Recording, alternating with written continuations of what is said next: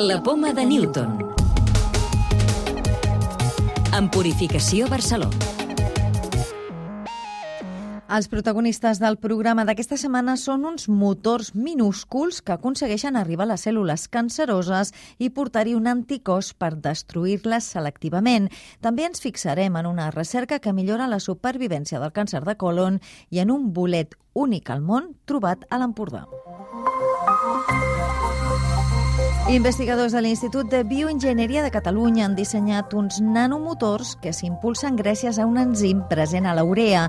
Transporten un anticòs capaç de seleccionar les cèl·lules del càncer de bufeta i de destruir-les amb una eficàcia un 14% superior a les teràpies actuals. Aquesta estratègia, assajada en laboratori, és molt selectiva i, per tant, no danya les cèl·lules sanes. Ens ho explica Samuel Sánchez, investigador principal de l'estudi. Se propulsan y llegan rápidamente a las paredes de estos pequeños pólipos de vejiga se enganchan. Lo bueno que tiene nuestro motor además es que tiene un anticuerpo fuera. Ese anticuerpo hace que sepa reconocer dónde está la célula tumoral y además, como si fuera de fármaco, va a parar la progresión y no va a permitir que la célula se divida.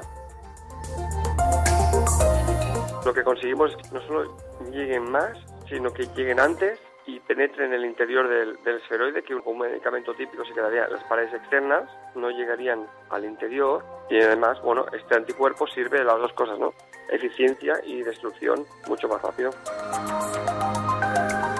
Mejorar enormemente la eficiencia de los tratamientos actuales, ¿no? Para evitar que haya, primero, un uso excesivo de medicamento y segundo, que el medicamento esté por todos sitios. Entonces, con un poquito de este medicamento, que en este caso no és ni medicamento, sinó que és un anticuerpo, eh, entonces conseguimos llegar a la diana. La recerca s'ha fet amb càncer de bufeta perquè això permetia utilitzar l'urea com a transport. Ara, aquests investigadors treballen amb l'objectiu de poder dissenyar nanomotors específics per tractar altres tipus de tumors.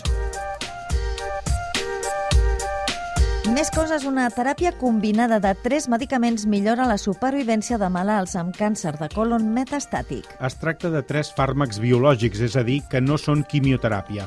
El tractament combinat l'han desenvolupat als Estats Units i representa un pas important en la lluita contra aquests tumors. Josep Tabernero, director de l'Institut d'Oncologia Vall d'Hebron. Podem comparar-ho contra el tractament de quimioteràpia i home, i aquí doncs, sí que hem vist que pràcticament es redueix el, el risc de progressió de la malaltia doncs, amb, amb més d'un 50%, no? que això és important. Això no vol dir que els malalts es curin, això vol dir que els malalts tenen més opcions de tractament per viure més temps i controlar més la malaltia.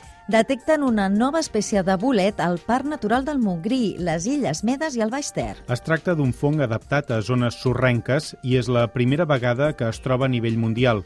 Miquel Àngel Pérez de Gregorio, president de l'Associació Micològica Joaquim Codina de Girona, entitat que l'ha descobert una espècie nova per a la ciència i que de moment només s'ha trobat en el Montgrí. És una espècie associada a, a dunes, en aquest cas a les dunes fixades pels pins i amb ambients així sorrencs. I és un tipus de bolet que és molt petit, és un gènere que es coneix com a satirela. La NASA ha anunciat que aprovarà un robot a l'Antàrtida per utilitzar-lo en el futur en la recerca de vida al satèl·lit Europa de Júpiter. Es tracta d'un robot autònom capaç de desplaçar-se per sota del gel i operar dins de l'aigua per fer tot tipus de mesuraments. L'objectiu de la NASA és incloure'l en una missió a Júpiter el 2025 per investigar les seves llunes gelades, sobretot a Europa, on es creu que hi ha moltes possibilitats de trobar-hi vida. El famós monstre del llac Ness podria ser una anguila gegant. És el que apunta una investigació dirigida per la Universitat d'Otago, a Nova Zelanda. Aquests científics han catalogat durant un any tots els signes de vida del llac escocès a través de l'anàlisi de més de 200 mostres d'ADN extretes de l'aigua a diferents profunditats.